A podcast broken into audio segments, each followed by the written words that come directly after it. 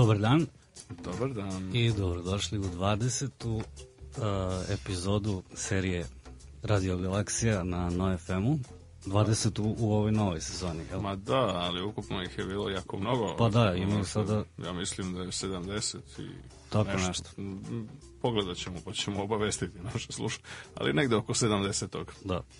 70. broja, što nije loše. Posebno u kontekstu toga da, eto, mislim, razna godišnja doba, imali smo do skoro zimu, sad imamo naprasno naglo leto, tako da ovaj, smo prisutni u raznim godišnjim dobima. Da, nikako to leto da se nešto ustanovi. U atmosferi, da. kako god. Da li ćemo da. leto ili proleće? da, da. Pa to su te promene klime se odlikuju sa većom amplitudom da. O, ovaj, razlika između, između velikih hladnoća i velikih vrućina. Biće toga još dosta. Da, da. Dobro, možemo da krenemo sa nekim naučnim vestima. A pa dobro, ima nekih vesti, eto, mislim, pošto je ovaj, Marija opravdano odsutna, da. A, onda da kažemo i ovaj, kojim povodom, pa povodom toga što se u Beogradu odigrava i danas je počela druga po redu šer konferencija da. koja se odigrava u Domu omladine. Ako ste blizu svratite, a među mnogim stvarima koje su zanimljive tamo, evo da izdvojimo jednu koja je interesantna sa stanovišta nauke, a to je predavanje profesora doktora Obrija Greja u e, sutra, znači 27. četvrtog u 13.30 u domu omladine Obride Grey je vrlo interesantan lik interesantno je i kada ga pogledate ovako pošto ima jedan tako da kažem jedan onako monaški raspućinovski ovaj, raspućinovsku fizionomiju i bradu, a inače jako interesantan čovjek, on je rođen u Londonu pre nekih 49 godina i Uh, najpre je studirao computer science i bavio se, bio je jedan od saradnika Clive'a Sinclaira, on se zove, u koji je, ako se stariji slušalci sećaju, izmislio ZX Spectrum ovaj, i neke, da, tako, da. neke tako moćne računare nekadašnjeg doba i De Grey je prvo radio a kasnije neka zanimljiva vozila. Pa jeste, jeste, da. svačim da. raznim, da. čudnim stvarima se bavio. U svakom slučaju, dakle, dakle, De Grey je prvo radio znači, u Sinclair Researchu, njegovoj kompaniji, a zatim je e, slučajnim sticam okolnosti upoznao je svoju buduću ženu, mislim zove koja je genetičar a, eh, i koja ga je zainteresovala za probleme starenja o kojima se ono tada bavi, mm -hmm. bavi vrlo uspešno, evo već nekih pa nekih već 20 godina, boga mi skoro, uh, i između ostalog mislim, je a, dakle, napisao nekoliko knjiga o tome, posebno knjigu iz 1999. koja je vrlo značajna mitohondrijska teorija starenja. Uh, tako da i on je između ostalog nije samo se zadovoljio tim hajde da kažemo teorijskim istraživačkim radom, nego je i osnovao svojevrsnu dakle, ha, hajde da kažemo, asocijaciju, nevladinu organizaciju pod nazivom SENSE, koja je skraćenica od Strategies for Engineered Negligible Senescence Foundation, odnosno koja se upravo bavi problemima produženja života. Mhm. A, I u nekom smislu reči njegov program je a, e, znači pre svega jedan integrisani set medicinskih i a, molekularnih tehnika koji se zapravo a, kojima se zapravo rekonstruišu i a, e, obnavljaju ostarela tkiva i organi. A, on zastupa čitav niz veoma interesantnih ideja o tome i smatra da praktično nema nikakvih poteškoća, mislim, zašto uz relativno konzervativne zahvate sa biohemijskog i biomedicinskog stanovišta, mislim, čovjek ne bi mogao da živi oko 150 godina bez većih problema, a kao što sam kaže ponekad, mada ima i mnogo radikalnije ideje, kažu uz nekakve radikalnije zahvate, mislim zove to bi se taj se interval mogao znatno produžiti e, znatno više od toga i on će održati predavanje o onome što mislim šta Eh, hajde da kažemo na čemu on i Sens fondacija rade, dakle sutra u 13.30 u Domu omladine, pa ako ste u blizini svakako svratite. Eh, što se tiče drugih aktivnosti koje su i vesti koje su o, se dešavaju, ajde pođemo od ovih u našem okruženju, dakle e, Centar za promociju nauke je takođe za sutra u 12 časova zakazao svečano otvaranje meseca matematike maja. E, sad to je baš zanimljivo, otvaramo ovaj, mesec matematike, ali pre nego što je ovaj, maj nastupio, da, da. dakle, da. dakle ovaj, mi to kao, kao što i treba da bude, znači pre roka, mislim, zove počinje maj. Ne, tako da, e, to sad naravno svečano otvaranje ne samo po sebi, mislim, zove je, ovaj, mislim, cela manifestacija maj mes matematike koju možete vidjeti na sajtu Centra za promociju nauke, vrlo zanimljiva, ima raznih interesantnih stvari koje su namenjene po popularizaciji te ove, ovaj, ono najstarije najozbiljnije nauke. E, sad, naravno, ima stvari koje su manje zanimljive i više. Ovo to svečano otvaranje sutra je krajnje nezanimljivo s obzirom na to da se i dešava pod pokroviteljstvom sanu, a to znači može, možete i da preskočite slobodno, ali nemojte preskočiti aktivnosti koje se dešavaju posle, odnosno u Od narednim, narednim danima, jeste. E, znači, ima, bit će velika matematička izložba u galeriji Robne kuće Beograd u Knez Mihajlovoj, to je ona interesantna, mm -hmm. interesantno ono jedno mesto gde će biti raznih zanimljivih stvari, uključujući posebno skrećem pažnju, mislim, zove da na a, tenem da na, na to što će znači izložbe između ostalih jedno, jedan od organizatora izložbe je E, naš poznati profesor matematike i likovnih umetnosti Jablan Slavik koji će predstaviti vizualnu matematiku. To je veoma interesantna stvar, tu ćete vidjeti sve i svašta. Mislim da je počeo od onih e, klasičnih dela opa, opt arta, mislim zove da koje e, sve one razne optičke varke, iluzije, fatamorgane i slično, pa sve do toga mislim kako u veoma veoma slavnim, veoma poznatim delima ovaj, vizualnih umetnosti poput Monalize i drugih imate veoma komplikovan matematički sadržaj. E, onda dalje biće tu raznih nekih predavanja između ostalog, znači u, e, na raznim mestima. Vodi, pogledajte na sajtu promocije nauke, znači nešto se dešava u galeriji nauke i tehnike, nešto se dešava u pedagoškom muzeju, nešto se dešava pak u rektoratu, e, nešto se dešava i na mikseru, mislim zove to je na, na samom kraju maja, mislim zove će biti jedna izložba u okviru mikser festivala festivala a, i bit će, bit će i matematički filmski maraton, ni manje ni mhm. više i to u dvorištu rektorata, to je ono lepo mesto unutar, onako skriveno ovaj, u, u, u zgrade rektorata jeste i tako, tako da sve u svemu to je jedna manifestacija koja jeste interesantna. A od e, drugih dešavanja koje aktivnosti Centra za promociju nauke vredi pomenuti da je To nije vezano samo za CPN, nego i uopšte za e, stanje nauke kod nas. E, napomenuti da je u prošli pretprošli utorak, zapravo 10. aprila, a, e, od, ja predstavljena knjiga Razvoj nauke u svetlu europskih integracija od grupe autora a, Đuro Kutlača, Dušica Semenko, Viktor Nedović i Jelena Kolić, a, koji je, dakle, izdavači su, izdavači su Fakultet za Mm, ekonomiju, financije i administraciju i Zavod za učbenike Republike Srbije. Dakle, e, to je jedan predstavlja rezultate istraživačkog projekta o efektima, naučnim efektima e, ovih e, raznih, raznih nivoa integracija Srbije u Evropsku uniju koje smo ostvarili do sada i koje pokušavamo da ostvarimo u budućnosti.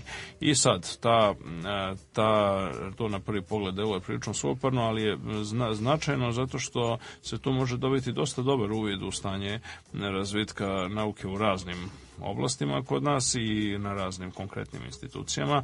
Mogu se vidjeti pregled efikasnosti evropskih projekata koji su imali nesumnjivo, mislim, zove ogroman a, ogroman uticaj na, na, na domaću nauku zato što ja mislim da mislim, bez nekog preterivanja, ali u suštini od ozbiljnih naučnih rezultata mislim se u Srbiji u periodu poslednjih deseta godina, pa, su, pa bar 50% mislim zove zapravo finansirano evropskim sredstvima, pre svega mislim zove kroz framework, e, FP, odnosno ovaj framework projekt Evropske komisije, znači bio je FP6, FP7, sad će biti taj novi Horizons 2020 koji je zapravo FP8 e, i dakle mi smo u suštini povukli ogromna sredstva u tom periodu, to su pitanju stotine miliona evra kad se sve sabere i oduzme, možda i možda i preko milijarde, a, e, ali je to još uvek mali deo od onoga koliko bilo moguće, mislim, zove, zato što ne treba zaboraviti da, da je, mm, ne treba zaboraviti da je Uh, ono što efikasnost uh, našeg znači korišćenja mislim zove sredstava koje su bile namenjena mislim zove ne samo za uh, zemlje u takozvanom regionu konvergencije odnosno to su To su ove zemlje istočne i jugoistočne Europe koje su na putu integracije u Europsku uniju, kao i neki, hajde da kažemo, regioni koje, za koje je za, za, zaključeno da im treba dati dodatni podstrek unutar zemalja mhm. Europske unije. E, dakle, e, postoje specifični e, projekti za njih, postoje specifični projekti za zemlje Zapadnog Balkana, ali nažalost, mislim, za efikasnost povlačenja sredstava nije bila pretrano velika, tako da je zapravo mogli su mnogo više da se, da se postigne i sad gde može i kako može to između ostalo može da se vidi u ovoj, u ovoj knjizi koja je predstavljena kažem evo pre dve nedelje a, ono što je ono što jeste a, ono što jeste interesantno jeste da na neki način na neki način je je to u dobar uvod u ono što će se tek dešavati, pošto kao što rekao smo sad, e, znači do sada ovaj trenutno još uvek aktuelni e, program e, Framework Project 7 je sad se završava i treba da počne od naredne godine, znači od 2013. treba da počne novi ciklus e, finansiranja generalno istraživanja i razvoja od strane Evropske komisije koji bi trebao da bude nastavak toga, znači ali ne nosi ime FE8 nego nosi ime Horizons 2020. Mm -hmm. odnosno 2020 i a on je on je donekle mislim zove drugačiji nego što je nego što su bili dosadašnji mislim zove ovi projekti, ali u svakom slučaju mi treba da se upoznamo sa tim i um, gotovo je um, ono pa sad neću da kažem obavezno, ali u najmanju ruku veoma poželjno za bilo koga, mislim, zove ko je i, i ole ima veze mislim, sa stanjem u domaćoj nauci, da a, se podhitno upozna sa, sa tim i sa smernicama koje će biti aktuelne za konkurisanje za evropske projekte u bližoj budućnosti. Naravno.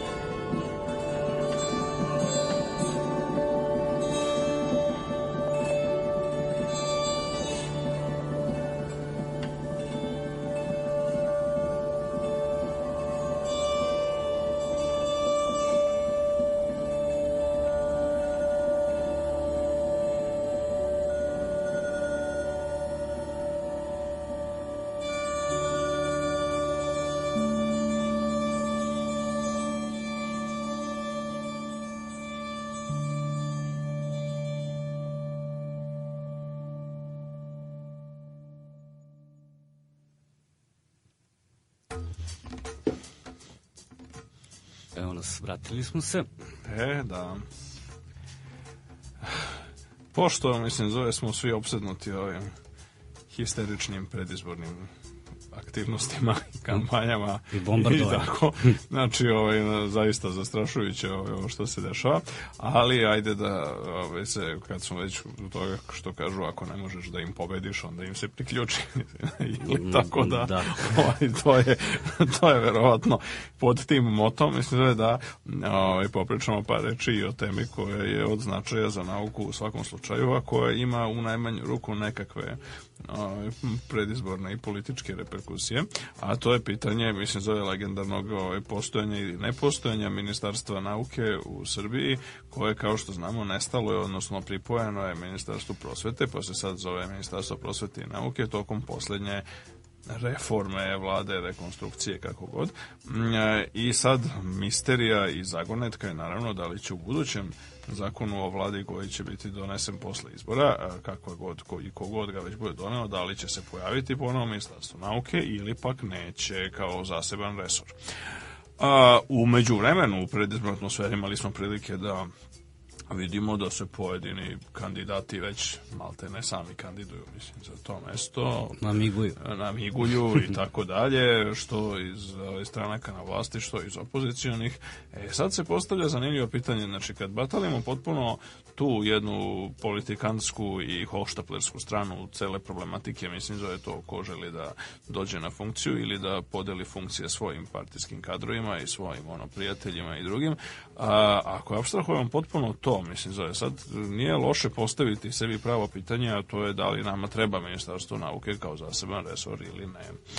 A, s jedne strane, očigledno je da kada bismo delili stvari na sitna crevca i kada bismo da su za sve imali resore i ovako, i ovako je vlada suviše masivna i, i glomazna, ako u Japanu mogu da spoje, mislim, zove jedno četiri stvari zajedno, pa imaju ministarstvo za prosvetu, nauku, sport i omladinu, sve zajedno, mm, onda, mislim, zove, onda, mislim, pitanje je da li Srbija, kako bi se reklo, zaista ima veće potrebe, mislim, zove od Japana ili od susednih država poput Hrvatske, mislim, zove koja na također nema zasebno ministarstvo nauke. E sad, Pa, s jedne strane, mislim da to onako deluje kao jedna jeretička ideja, pošto ne, većina ljudi i dosta veliki deo ljudi iz nauke iz nekog razloga koji nije sasvim jasan doživao je to ukidanje i, i ne, znači nestanak zasebnog ministarstva nauke kao veliku tragediju, on udarac nauci i tako dalje. U suštini se, kao što imamo prilike da vidimo u praksi, znači kad opet batalimo reči, mislim, zove i priču o tome, nego ono što se dešava u praksi, vidimo da se u praksi stvari nisu mnogo promenile, mislim, zove. Dakle, da li su se poboljšale, nisu, ali se nisu nešto ni pogoršale, mislim, pretredno. Tako da, to već samo po sebi pokazuje da ministarstvo nauke kao zaseban resor, mislim, zove, ono, jednostavno nije toliko nasušno potrebno da bi sad ono naučnici u Srbiji umrli ovaj, ako, ako nema zasebno ministarstvo. Međutim, prava prilika jeste, i o tome su se pojavili onako bojažljivi glasovi bili u medijima i kad je bila ta rekonstrukcija vlade i prethodno i čak davno, davno, mislim, neki ljudi koji su nažalost već pokojni, kao što je pokojni profesor Milan Kurepa su pričali o tome prilično davno, a nama je možda je prilika da se sad u ovoj predizbornoj atmosferi kada ljudi onako dele razna obećanja šakom i kapom, mislim zove da se porazmisli o tome da se izvrši nekakav pritisak javnosti ponovo, mislim zove na političare da se e, batale tog preganjanja oko toga treba li ne treba ministarstvo i treba ne treba druge političke resori.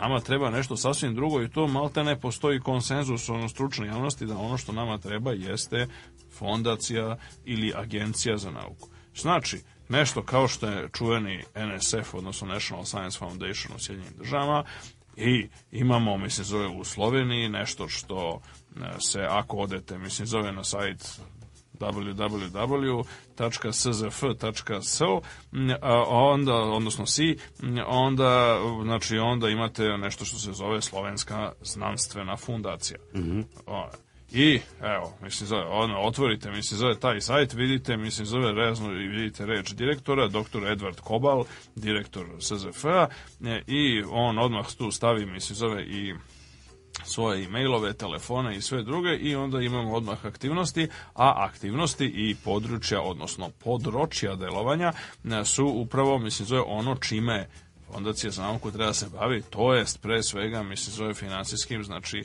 stvarima koje se tiču finansiranja, mislim, zove na, iz naučnih istraživanja, finansiranja pojedinačnih projekata, institucija, naučnog podmlatka, takmičenja iz nauke i slično. I sad, da ne, ta, slično tome nešto postoji u Hrvatskoj, slično tome postoji u Grčkoj i slično tome postoji u Bugarskoj.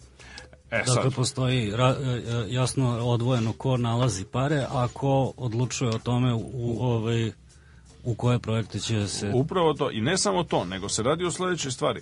Dakle, e, ove sve fondacije ili agencije koje smo pomenuli a, su profesionalna tela. Znači, tu eventualno direktor, mislim, zove, biva čovjek koga postavlja vlada mm -hmm. eventualno ili skupština ovaj, kako znači koji je koji u nekom smislu reči eto politički kandidat svi ostali Znači, apsolutno nema nikakvog razloga da svi ostali koji rade, da se oni uopšte, da se uopšte menjaju kad dolaze izbori, da se uopšte bilo šta dešava, mislim, zove sa njima, da se uopšte prekida njihov posao, mislim, zove zarad ono da. monstruoznih izbornih kampanja. Sad zamislite šta se dešava, mislim, šta se dešavalo sve ovo vreme dok smo imali ministarstvo nauke, a sad u ministarstvu prosvete i nauke. Pa dešava se to da maltene nekad god je bilo kakvi, bilo kakvi izbori, bilo kakvo dešavanje, mislim, zove bilo šta, apsolutno se normalan rad prekida, mislim zove i ono, službenici se rastrče na sve strane, mislim zove učestvujući u predizbornim kampanjama, teško ih je pronaći za bilo šta, da ne govorimo da ako vam treba kojim slučajem baš ovaj, ili najviši je to jest ministar i zamenik ministra, mislim zove pomoćnici, mm -hmm. mislim nema šanse da ih nađete jedno tri meseca pre i tri meseca posle izbora, mislim zove, ako ne i više od toga i jednostavno mislim da se radi o tome da, a sa druge strane mislim da u uređenim zemljama valjda treba u startu da bude jasno da odluka o finansiranju naučnih instituta i pojedinačnih fakulteta, naravno u onoj meri u kojoj se bave naukom, e, pojedinačnih projekata ne treba ni na koji način da bude spregnuta sa politikom i sa pitanjem mislim koja je da li ova ili ona stranka na vlasti ili ne. Dakle, to je sasvim, treba da bude pitanje koje je sasvim svejedno. To je potpuno suprotno od prakse koju smo nažalost imali, ne samo, mislim, zove ono u, u komunističko doba, ne samo u za vreme ovog Miloševićevog nacionalnog socijalizma, nego nažalost, mislim, zove i nakon, nakon 2000. godine i koja je doživjela svoj vrstan onako jedan Monty Pythonovski, onako potpuni bizar, mislim, zove u, za vreme ministrovanja bivšeg ministra Đelića, koji je išao toliko daleko da je insistirao ne samo, mislim zove, da će on lično potvrditi finansiranje svakog pojedinačnog projekta. Sad zamislite recimo neko, mislim, zove, hoće da neko pručava, ne znam, ono, rudno blago, mislim, zove na staroj planini, mislim, zove da li ima halkopirita i tako dalje, ali, mislim, zove na kraju ne može, bez obzira što je njegov projekat finansiran, bez ličnog potpisa mm -hmm. ministra Đelića ne može, mislim zove to da dobije, neko drugi opet hoće da se bavi okeanografijom, neko drugi hoće da se bavi, mislim zove, ne znam, ne, vinčanskom kulturom, mislim zove, sve će to ministar Đelić da vidi da li je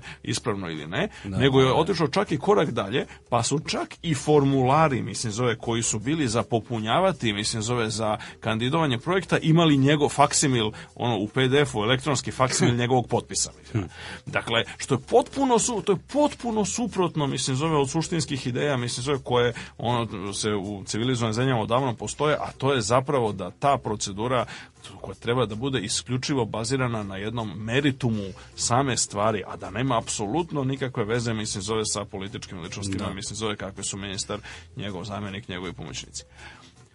A, da to stvar funkcioniše, da e, stvar sa agencijom ili fondacijom funkcioniše, pokazuje činjenica da su Slovenija, Hrvatska i Grčka, mislim, zove kako stoje stvari među prvih 50 naučnih sila na svetu, mislim, zove po raznim parametrima, recimo po Hiršovom H-indeksu citiranosti koji je dostupan ljudima, dok je recimo na toj listi Srbija do skoro bila na 143. mestu, sad se nešto pomerila, ali još uvek nije ušla u prvih 100. Tako da, sad, ajde što se tiče Grčke, još so so čovjek da kaže, ali Slovenija i Hrvatska su ipak bila deo naše zajedničke države do relativno skoro. Mislim, još da. nas ima dosta koji se sećamo, mislim, zove da smo živjeli u istoj državi, da to nije, to nije u pitanju, mislim, zove Francuska, Rusija, SAD ili Japan, mislim, zove pa sad da čovjek kaže da oni imaju dugačku tradiciju razvoja nauke, bla, bla, bla, mislim, zove nešto što je drugačije od, od ovdešnjeg dakle, to je ono, mislim, zove nešto što bi se zvalo NFS, recimo Naučna fondacija Srbije ili tako nešto, bi, bi bilo vrlo poželjno i pametno, mislim, osnovati nakon izbora. E sad, To naravno nije popularno u ovom trenutku. Zašto? Zato što demagogija sa svih strana i pozicioni, mislim ovaj put više opozicione, je, nam sugeriše da mi imamo suviše fondacija, suviše agencija. Što je možda i tačno, mislim, ja nisam apsolutno kompetentan da, da, da o tome sudim. Verovatno, mislim, zove ih ima suviše. Ali ne možemo to stavljati sve u isti koš. Znači, ne može nešto, ako se nešto zove fondacija ili agencija, ne znači da sve što se zove ima istu vrednost ili da, ili da isto. Jednostavno, jasna, jasna stvar jeste da da a za razliku od verovatno postoje, mislim, za ove agencije za, za šta i najrazličitije gluposti, a, ali je jasno da bi agencija ili fondacija, mislim, zove za nauku radila jako konkretne stvari koje bi zapravo u neto iznosu omogućile, ja sam potpuno ubeđen i još neki drugi naši istaknuti naučnici koji su promovisali, mislim, zove tu ideju kao, na primjer, akademik profesor Zoran Petrović, mislim, zove kao, recimo, naš, istak, ne, recimo, jedan istaknuti naučnik iz dijaspore, profesor Branislav Nikolić koji je o tome napisao jako lep članak u vremenu pre nekih pa u vreme ove rekonstrukcije vlade, znači to je bilo nešto proleće 2011. A, dakle, on je baš napisao, mislim, zove jedan jako interesantan članak baš o, o, tome, dakle, o potrebi da se osnuje fondacija i koja bi na neki način, e, to bi ultimativno omogućilo da se smanji, mislim, administracija i birokratija, zato što bi se prvo Znači, najveći deo, mislim, zove tog administrativnog i činovničkog posla bi se izmestio iz ministarstva i samim tim bi se omogućilo da ministarstvo mnogo efikasnije i lakše funkcioniše, a druga stvar, potpuno bi se izbjegli glupe situacije na koje se žale sami, mislim, zove činovnici ministarstva, a to je da njima dolaze svi mogući pojedinačni, recimo, na primer, dekani, direktori instituta, mislim, zove i čak i pojedinačni istraživači da se žale zašto nema grejanja, mislim, zove zašto je, nije, zašto ne mogu da kupe ugalj, mislim, zove zašto je, ne znam, ono, pukla vodoinstalaciona cev na fakultetu, internetu, mislim zove, ili zašto recimo fakultet ne može da plati račun, mislim zove, za telefon mm, i, i tako neke stvari, mislim zove, znači da im kukaju, što je potpuno, što je potpuno irelevantno, mislim zove, i što naravno da ne treba ne samo što uzima vreme, nego zapravo, mislim zove, državna administracija, mislim zove, posebno to visokom nivou, ne može i ne treba da se bavi takvim pitanjem. Da. To je potpuno isto kao ona anegdotska priča, mislim zove o tome da to imate samo u izrazito nedemokratskim režimima. Ima ona anegdotska priča o tome, mislim zove da je ovaj da su između ostalih stvari, mislim zove u arhivi ovaj, Josifa Visarionovića Staljina pronađeni su kopije akata koje su glasile otprilike eto ovaj drug Staljin odobrava da se premesti mašina C, mislim zove iz hale 2 u halu 3, mislim zove na primjer i, i tako dalje. Znači ta ideja mislim zove da sve treba bude centralizovano, da se odlučuje na nekom visokom mestu je apsolutno potpuno nedemokratska, ne liberalna i u savršenom neskladu sa verbalno proklamovanim načelima koje mi imamo da se priključimo Evropskoj uniji i da, i da promovišemo, mislim, za evropske vrednosti. Tako da je, to je, sa druge strane, naravno da ministarstvo, bez obzira bilo deo e, recimo Ministarstvo prosvete i nauke ili samostalno ima stvari koje su eksplicitno u svom resoru. A to su pre svega i najvažnije, mislim, strateška pitanja, znači ne ta pitanja tipa, mislim, zove imali grejanja i imali uglja, nego pitanja koje ćemo staviti generalne prioritete, da li ćemo osnivati nove institute, da li ćemo postojeće institute unapređivati u sad zakonom uvedenu, ali nedovoljno dobro definisanu kategoriju nacionalnih instituta, na koje ćemo međunarodne ugovore sklapati, mislim, zove o, o naučnoj i tehnološkoj saradnji sa kim. Znači, i na sva ta pitanja koja su e, znači, visokog nivoa, koja su strateškog e, e, reda ili, ili ranga, mislim, su jednostavno nešto što treba da se bavi, mislim, čime ministarstvo nauke, mislim, zove bilo, kažem, zasebno, bilo kao ocek ili podresor u okviru resora prosvete i nauke, treba da se bavi a ne da se bavi time, mislim zove da svako ko je nezadovoljan recimo rangiranjem sopstvenog projekta ili ko misli, mislim zove da je pametniji nego što pokazuju njegove ono reference, rezultati i publikacije, da dolazi, da se žali, da pravi probleme u nekim slučajevima, mislim zove moraju da ih izbacuju i tako dalje, mislim zove, dakle svačega je bilo i svačega smo se nagledali, mislim zove posne vreme kako je rad ministarstva generalno postao transparentniji, pa je onda samim tim se primetilo, mislim zove kako to ide i koliko se vremena gubi na potpune gluposti i besmislice.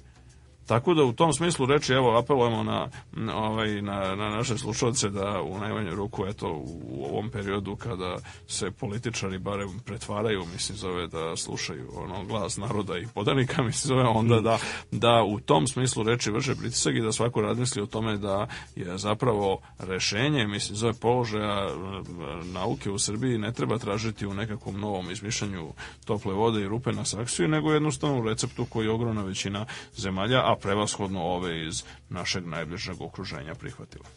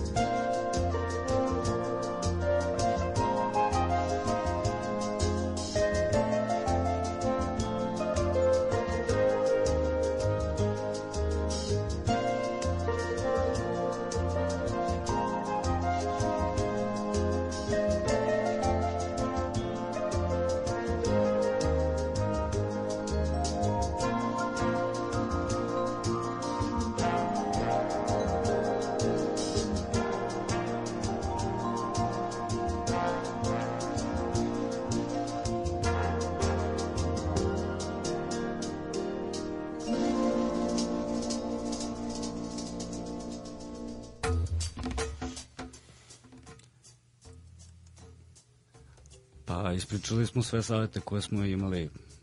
Pa, uglavnom. Još. Da kažemo. Ako neko ima da čuje.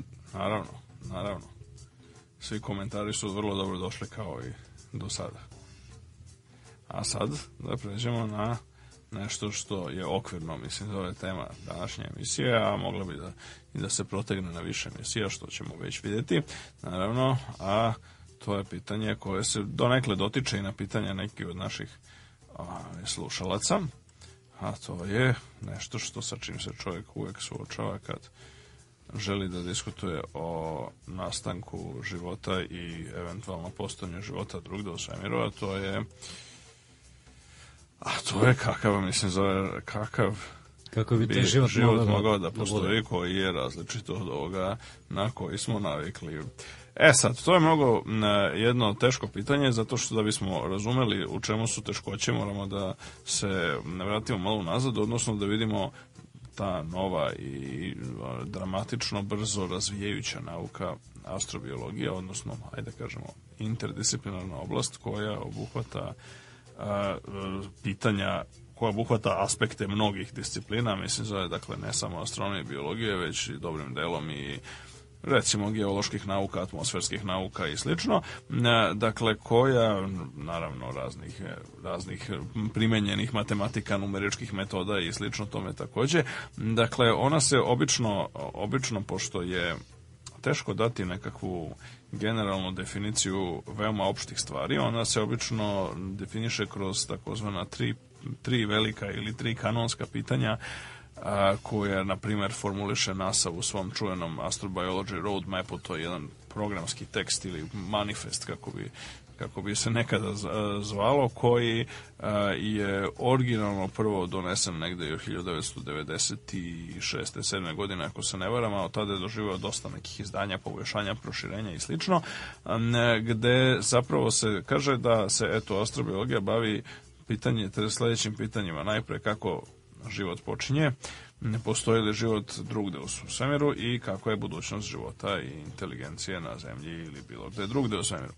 Ok, ono što je mm, u nekom smislu reči sad, sad, sad uh, implicitno u ovim pitanjima jeste da mi razumemo sve pojmove koji se, sa kojima se srećemo u, u, njima, a posebno i najbitnije sam pojam života. E, to već, tu već nalazimo na problem zato što, a, zato što po jednom preglednom radu od pre nekih deseta godina, već tada, mislim, zove, da ne govorimo sada umeđu vremenu još i više, je postojalo nekakvih sto 40 i nešto definicija života, znači mm. koje su, e sad kad nešto ima 140 nešto definicija, onda znači da zapravo ne postoji nekakva definicija, ima najrazličitijih verzija. Dakle, e, ima, obično se, obično ljudi definišu život preko nekakvih deskriptivnih definicija, to jest onih u kojima se nabrajaju nekakva svojstva koje bi sistem ili entitet trebalo da imaju da bismo ih nazivali živim. Pa se onda tu navodi da imaju, ne znam, metabolizam, da se razmnožavaju, da e, evoluiraju posredstvom darvinističke evolucije i slično. Očigledno je da deskriptivne definicije su dosta ograničene zato što na neki način one same po sebi po, kako bi se reklo, logički gledano ne mogu da izađu iz okvira onoga što mi vidimo na zemlji, pošto mi sigurno ćemo uključiti u definiciju života samo ono što mi vidimo na primjercima mm, života. Smo svedoci. Jeste. A to, to bi onda značilo automatski, to je jedna velika poteškoća, mislim da, da zapravo ako bismo se suočili sa zaista drugačijim oblikom života, mi jednostavno ne bismo bili u stanju da ga prepoznamo. Zašto to je? Pa zato što ne znamo šta je. Postoji čuvena priča o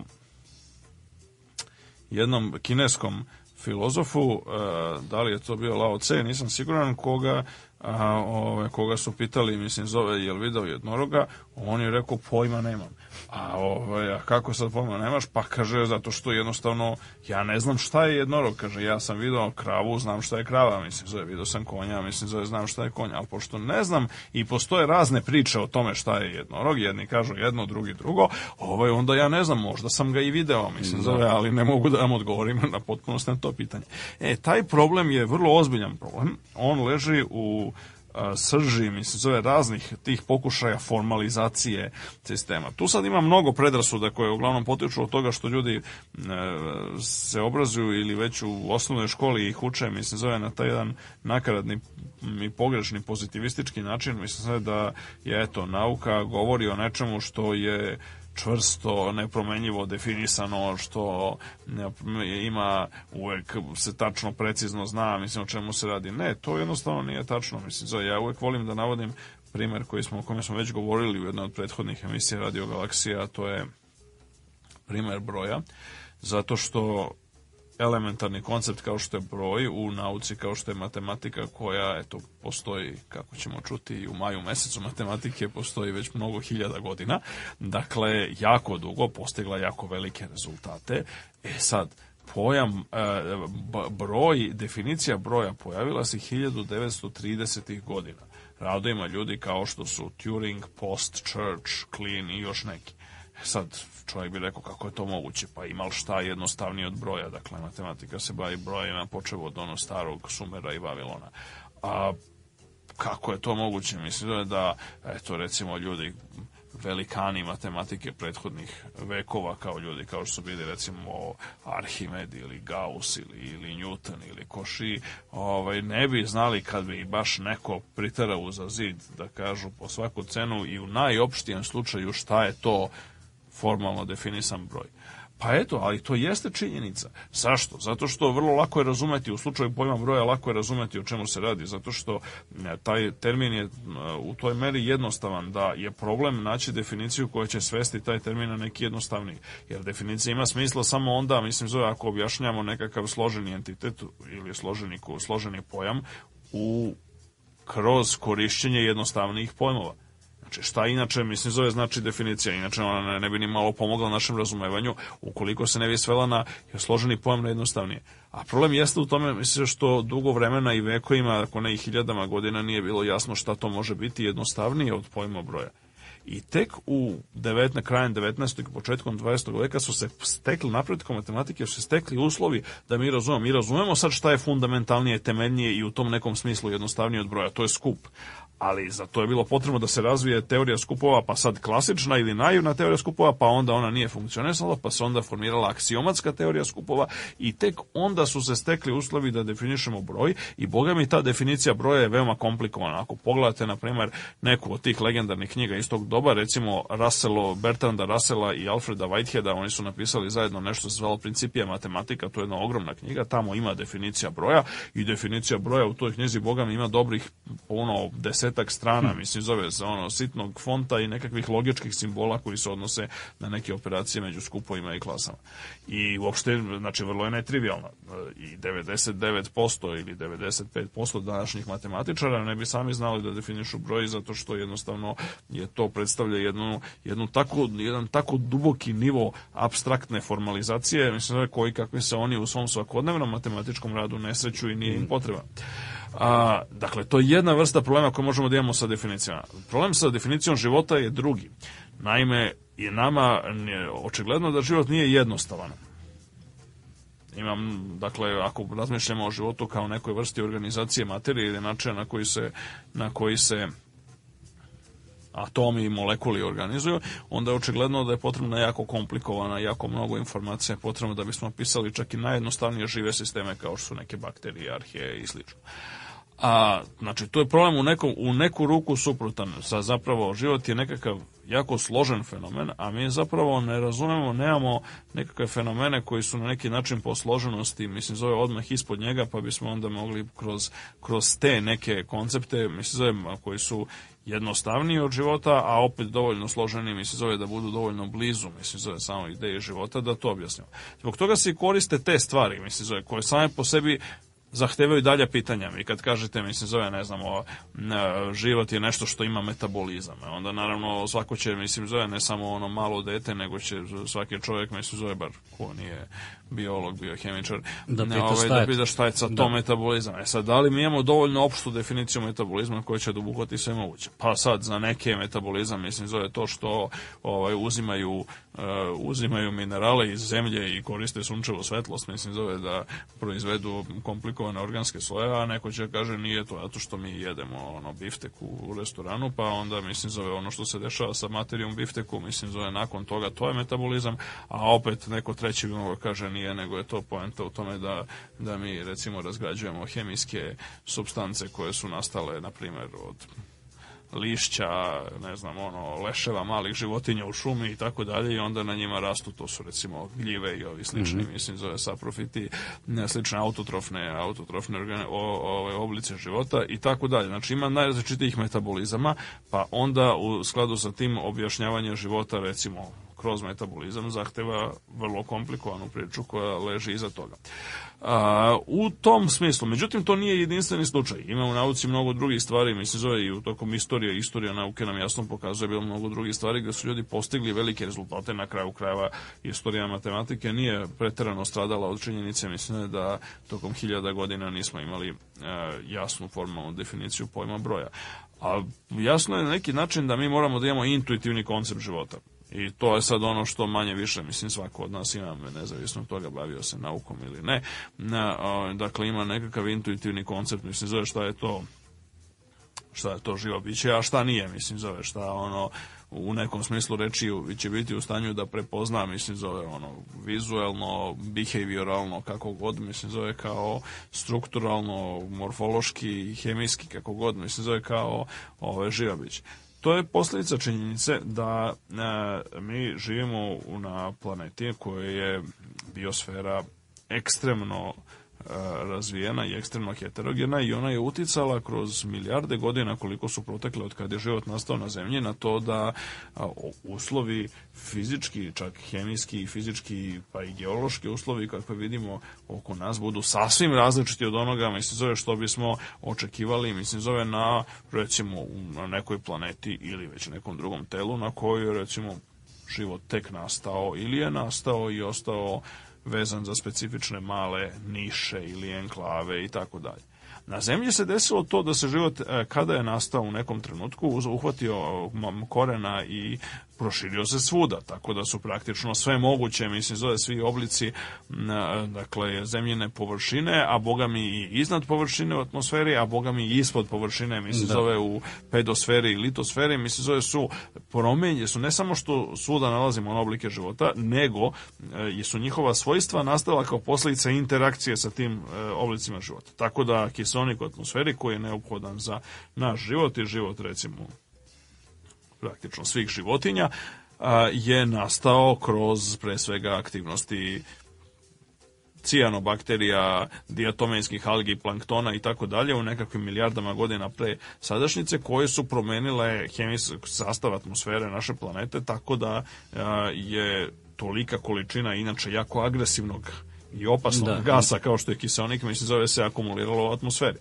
A inače kada bi život nekakvim čudom, zove, neprijatnim čudom nestao, mislim zove sa površine zemlje u celini, a, i iz unutrašnjosti zemlje takođe, onda a, bi se kiseonik takođe nestao atmosfere na jednoj skali koja je relativno kratka u poređenju sa astronomskim vremenskim skalama. Znači, relativno brzo, možda za par miliona godina, bi se sav kiseonik atmosfere vezao u tlo mm -hmm. ne, i ne bi ga bilo u slobodnom stanju.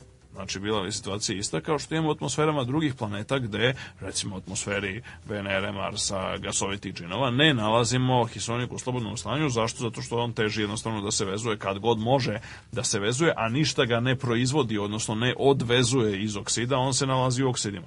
To ne znači da kiselnika ima manje na Marsu i na Veneri nego na Zemlji, nego na, ima ga podjednako manje više te varijacije su jako male, ali ono što čini zemlju specifičnom jeste da postoji aktivan dinamički proces kojim se on oslobađa, znači ne samo što se vezuje, da, mislim da, da. čime on, što on prirodno teži da radi, nego se i on oslobađa i evo ga okolo, mislim da i zahvaljujući tome je zemlja nastanjiva danas za one komplikovane oblike života kako je poznamo.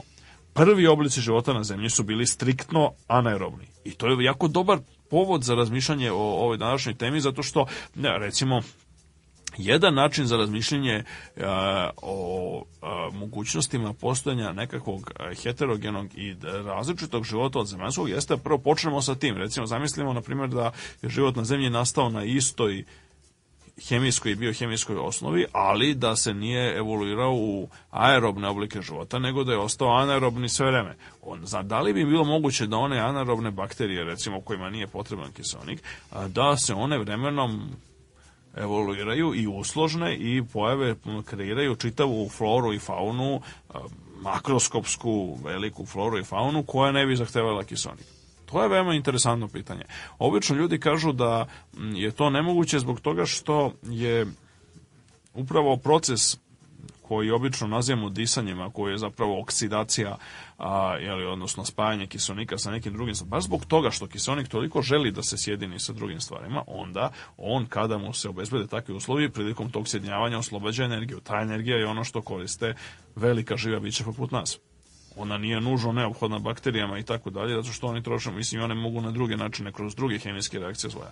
Ali kiseonik je recimo strahovito dobar kao izvor energije, što na kraju kraja svedoči u tome da ne samo što sve životinje, mislim, zove i ljudi koriste kiseonik, nego i većina mašina koje su ljudi napravili, mislim, da, da zove da, tipa isti. automobili, avioni, e, rakete i slično, takođe koriste oksidaciju kao izvor energije da bi radile ono što treba da rade, konkretno da se kreću, mislim, zove prenose neke terete i slično tome.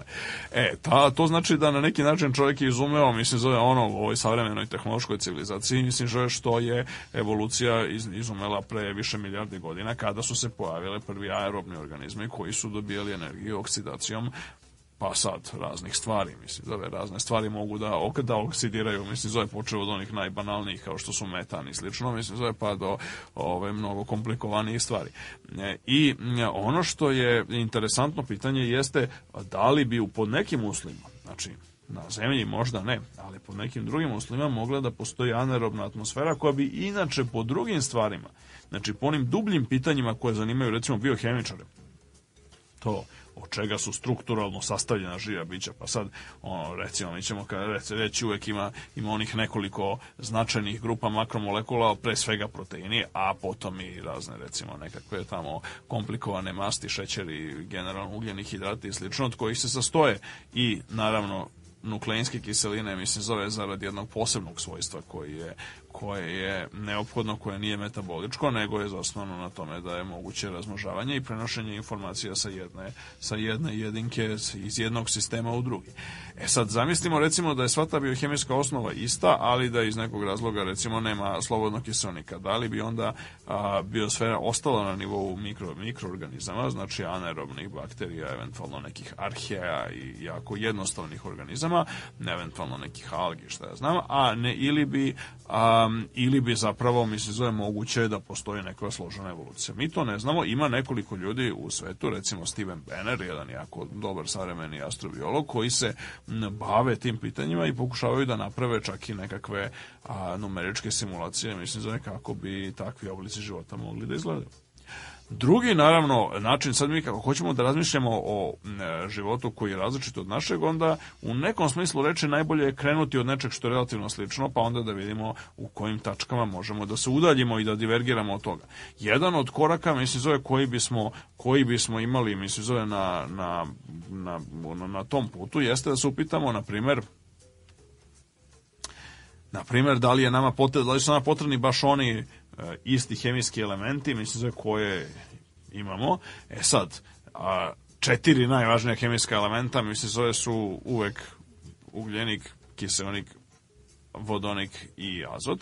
E sad, on, srećan stica okolnosti jeste što su oni inače među najrasprostranjenijim elementima u svemiru. Mm -hmm. Mislim, dobro, naravno, mislim, vodonik je bez ikakvog, bez ikakvog ovaj, dileme i konkurencije vodonik. najrasprostranjeniji element u svemiru, ali ni ova ostala tri, dakle, Kiseonik je recimo treći po zastupljenosti odmah iza vodonika i helima u znači, svemiru, generalno, mm. u zvezdama, u planetama, u međuzvezdanom prostoru, čak i u drugim galaksijama, potpuno svejedno mi možemo danas relativno pouzdano da dobijemo hemijski sastav čak i jako udaljenih galaksija. A, dakle, mi vidimo da je Pa, recimo kiseonik je na toj generalnoj listi broj 3, ugljenik je broj 4, azot je negde recimo broj 6, čini mi se, ili 7. Znači oni su vrlo visoko zastupljeni to. E, to nije naravno dovoljno, nego mora da se pojavi još nešto da bismo imali i ole e, ovaj, komplikovaniju komplikovanija živa bića. O, ono što se često dodaje tome, mislim, zove jesu fosfor mm -hmm. koji je e, koji je prilično bitan za razna mislim za za razna tkiva i za razne proteine i naravno bitan je mislim zove za za ove recimo stvari kao što su recimo ATP adenozin trifosfat čuveni koji prenosi zapravo energiju mislim zove sa koje tu energiju koja nastaje metabolizmom prenosi do pojedinačnih ćelija tkiva i i raznih e, raznih ovaj aktera da kažemo koji mm -hmm. igraju ulogu u procesu života a, i značajan je ponekad one, ono što još postoji u manjim količinama, ali je značajno recimo su stvari kao što su sumpor, kao što je gvožđe. Hemoglobin, na primjer, protein koji je ključan mislim, zove, za E, živa bića koja imaju krv, to jest većina životinja, u pitanju je takav da je on ne bi obavljao svoj posao koji mora da obavlja, a, odnosno taj transport kiselnika, mislim, zove od, na primjer, pluća ili škrga, mislim, zove do pojedinačnih ćelija kojima je neophodan, da nema pored ogromne količine, to su u pitanju, znači hemoglobin je ogroman protein, znači to da bismo napisali njegovu formulu trebalo bi nam ono mala sveščica, dakle e, tu, tu se nalaze nekakve stotine hiljada, mislim zove atoma ugljenika, ovih, znači kiseonika, vodonika i azota, a u sredini se nalazi jedan atom gvožđa, ali taj jedan je ključan, mislim, zove za celu tu strukturu, i cela ta struktura mogla da funkcioniše. Tako da je, recimo, gvožđe potrebno. Ima još nekoliko primera, recimo u hlorofilu, koji je slično jedan ogroman ogroman makromolekul koji je ključan za proces fotosinteze kod biljaka, naravno, a samim tim i za generisanje hrane za sve životinje pa i za ljude, e, je, imamo ogromnu količinu tih raznih ovih atoma, pomenutih, mislim, zove ČON, odnosno CHON, ugljenika, vodonika, kiselnika i azota, a u sredini, mislim, zove imamo jedan atom magnezijuma koji je, opet, magnezijum je relativno, relativno redak u prirodi, ali je opet on ključan da bi hlorofil mogao dovoljati da tu funkciju koju obavlja. E, postoji još nekoliko, još nekoliko relativno onako egzotičnih primera, mislim, zove te vrste, recimo vitamin B12 koji je po Eh, hemičari ga znaju kao cijanokobalamin, to je isto nekakav komplikovan protein koji ima jedan atom kobalta. Mislim. Mm -hmm. Sad, kobalt je još posebno težak element i posebno redak, mislim, u prirodi, e, tako da zašto se i ko je to, u kom momentu je o, evolucija evoluirala tako da je potrebno, sad neće niko da umre baš bez vitamina B12, ali on pomaže, mislim, zove razne živeli bismo mnogo kraće, mislim, zove bez njega, tako da pomaže razne, razne procese u organizmu i kao posljedica toga, mislim, zove očigledno da se ta evolutivna inovacija, mislim, zove sa korišćenjem tog jednog jedinog atoma kobalta u celoj komplikovanoj hemijskoj strukturi, se pojavila u nekom trenutku u prošlosti, kad i zašto, mi to ne znamo tačno. Ono što jeste interesantno diskutovati jeste e, koji su stvari, koje bi se stvari u tom celom hemijskom sistemu mogle zameniti nečim drugim. Pa sad, ideja, mislim, zove koja je bila, e, koja je aktualna dan danas, recimo, relativno jednostavna, a koja je proverena i empirijski nedavnim otkrićem takvih vrsta organizama, ko jeste da, na primjer, bi mogao da se arsenik koji ima slične osobine kao fosfor, mislim, zove da zameni, zameni fosfor u tim relevantnim strukturama, pre svega u proteinima koji su gde, gde se inače koristi fosfor. To je jedan od primjera, mislim, zove jedan od primjera mogućih. E sad, takve strukture postoje na zemlji, mislim da i postoje nedavno, relativno nedavno. Mislim, odavno se pričalo o njima, ali relativno nedavno smo došli do jednog značajnijeg otkrića, mislim, zove da su one ono, rasprostranjenije nego što, nego što se ranije verovalo. A, I ono što, je, ono što jeste interesantno jeste koliko drugih stvari možemo da zamenjujemo. Dugo vremena je u jedno od ono što bi se reklo od kad su prvi ljudi počeli da raspravljaju o tome kako je mogao postati drugačiji život, a, se pojavila ideja da bismo recimo mogli na primer a, zameniti ugljenik silicijumom a, i dobiti neku vrstu, mislim zove znači silikonskog života koji bi, koji bi mogao da živi recimo u uslovima veoma niskih temperatura kakve postoje na a, na recimo spoljnim planetama sunčevog sistema i drugih ekstrasolarnih e, planetnih sistema. A zašto je to zanimljivo? Pa zato što silicijum je u stanju da pravi nekakve male, relativno male poređeno sa ugljenikom lance. Osnovna stvar zašto je ugljenik toliko bitan jeste zato što je on hemijski a, potpuno superioran kada se radi o formiranju dugačkih e, lanaca i velikih molekula barem na uslovima koji se manje više približavaju ili koji su relativno neekstremni sa našeg antropocentričnog stanovišta. Tu treba imati u vidu jedna stvar, da uslove koje mi smatramo pogodnim za život, mislim zove ne mora neko drugi da smatra pogodnim za život. Mi mora da, da se od, malo odmaknemo od toga i da razmotrimo e, ono što bi se moglo desiti, recimo, zašto smo mi otkrili nekakve ekstremofile, pa ih nazivamo ekstremofilima. To su organizmi koji mogu da izdrže, recimo, ili jako velike temperature, ili jako niske temperature, jako visoke pritiske, jako niske pritiske, jako visoke, recimo, doze radijacije, a Opet u odnosu na to nas. je definisano u odnosu na neku, neka, neka da. stvar koja se smatra prosečnim za biosferu na zemlji. To ne mora da bude slučaj uopšte generalno. I poenta jeste da e, interesovanje astrobiologa upravo za ekstremofile potiče dobrim delom od činjenice da su neke od tih fizičkih ili hemijskih okruženja koje e, pogoduju ekstremofilima su zapravo mnogo rasprostranjenije u svemiru nego ono što pogoduje nama ili ovim oblicima života koje mi smatramo normalnim. Da. O tome više nakon jedne muzičke pauze.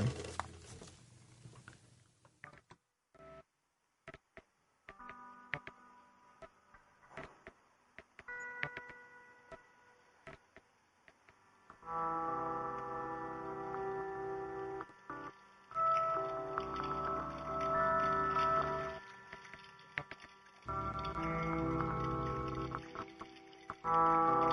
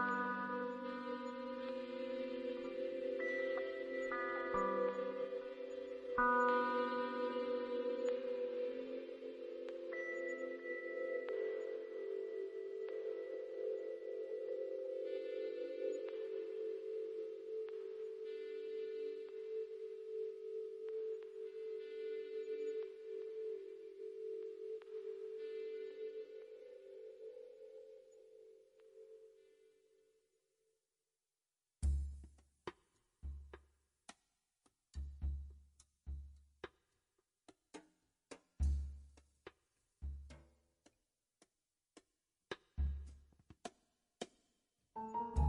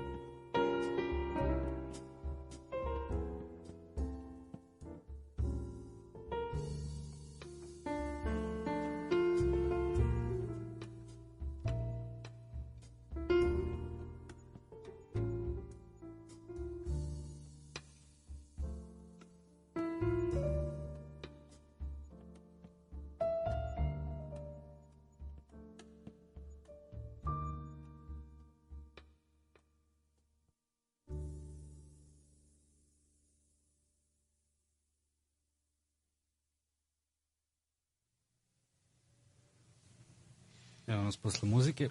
A to možda jedno od, od naj, najtežih i najstarijih pitanja uopšte u ljudskoj svesti. Da li smo mi jedinstveni, da li postoji još nešto što bi mi mogli da prepoznamo? Upravo to.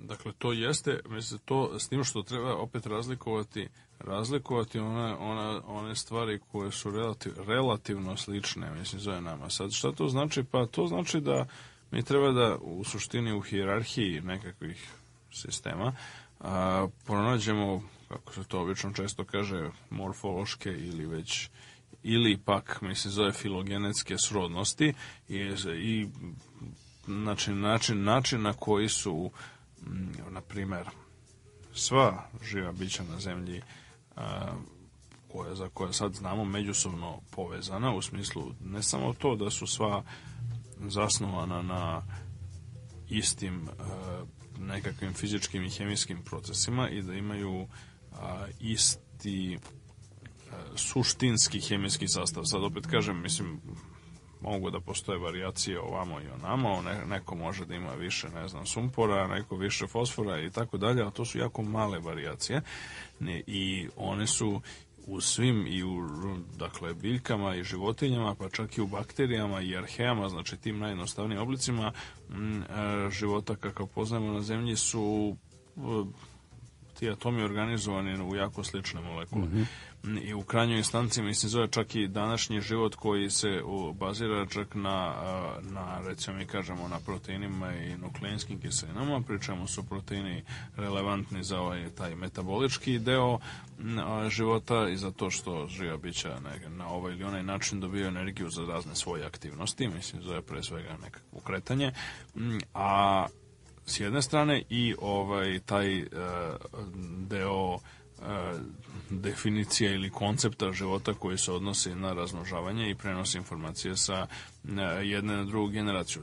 Sva živa bića danas na zemlji koriste DNK, postoje neki virusi koji imaju samo RNK, ali njihov status kao živih se ono osporava ili ne, ali je e, danas prilično jasno da je postojao nešto što se zove RNK svet jako davno.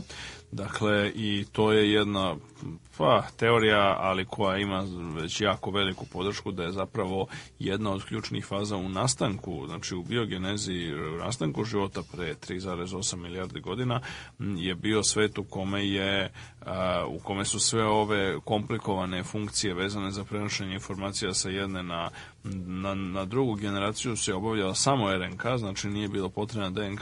RNK je mnogo jednostavnije, em što je kraći lanacem, što nema, mislim, za onaj dvostruku, dvostruku spiralu kao DNK, tako da mm, je mnogo lakše, mislim, zove da se do nje dođe od nekakvih jednostavnijih delova.